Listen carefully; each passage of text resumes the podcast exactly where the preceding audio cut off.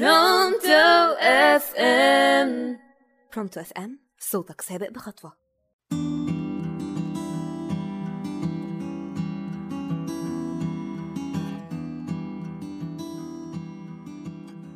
أهلا بيكم معانا أعزائي المستمعين وحلقة جديدة من برنامج المجتمع وسنينه. معاكم نهى بكري إذاعة برونتو اف ام كنا قلنا إننا هنتناقش في موضوعات وقضايا تخص المجتمع ونظرة الناس للموضوع ده.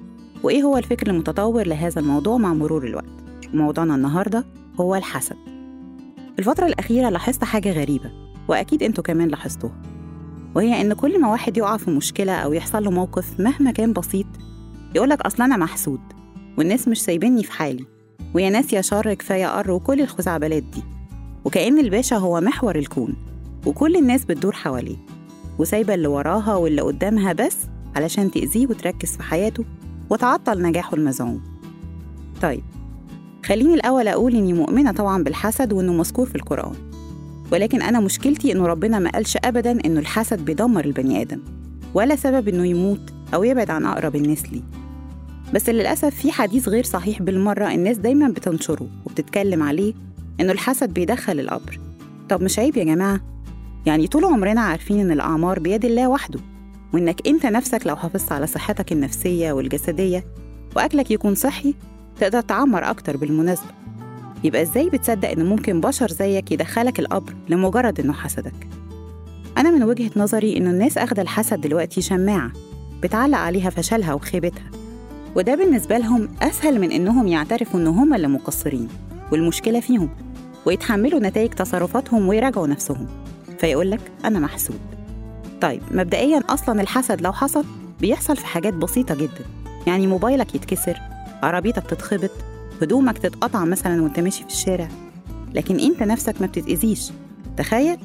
لكن بقى لما بيحصل لك موقف بيكون فيه أذى مباشر ليك يبقى لازم تراجع نفسك لأنك ممكن تكون أذيت حد تاني وأنت مش واخد بالك أو واخد بالك وطنشت وافتكرت إن الموضوع هيعدي كده من غير حساب. لا يا صديقي ربنا ما بينساش أبدا.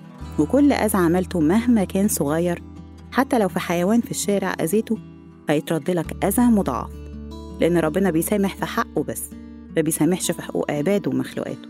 ده غير إنه أصلا في ناس بتعيش طول الوقت في مشاعر وأفكار سلبية وطول الوقت بيتوقعوا مصايب وطول الوقت بيشتكوا إنهم ضحايا ومش واخدين بالهم إن ده سوء ظن في رب العالمين. وطبعا بديهي جدا بعدها حياتهم تبقى كلها خراب. أنا عند ظن عبدي بي إن كان خيرا فخير وإن كان شرا فشر. بس برضه هتلاقي واحد ساعتها بيقولك أنا محسود. وكل كوم وموضوع الأعمال والدجل والشعوذة اللي هي نصب أصلا كوم تاني. والناس بتبقى مؤمنة جدا إن شخص عمل لها عمل. فده سبب تأخير جوازها ورزقها وشغلها ويفضل يقولك الرقية الشرعية ودعوات بالانتقام من ربنا المنتقم. طيب طالما أنت مؤمن إنه ربنا المنتقم من باب أولى تبقى مؤمن باسم الله الحافظ. مش كده ولا إيه؟ فيا رب نبتدي نغير مفهومنا عن الحسد والسحر والعين وكل ده ونبتدي نكبر وننضج ونتحمل نتائج اختياراتنا بجد ونراجع نفسنا مع كل اللي حوالينا. وافتكر دايما إنه ربنا أكبر من كل شيء واسمه الله الحافظ. وطول ما أنت عندك يقين إنه ربنا حميك محدش ابدا يقدر يأذيك أو يدمر حياتك. محدش يقدر يأذيك غيرك أنت وأفكارك. وهنا نكون وصلنا لآخر حلقتنا النهارده. كنت معاكم أنا نهى بكري إذاعة برونتو إف إم وبرنامج المجتمع وسنين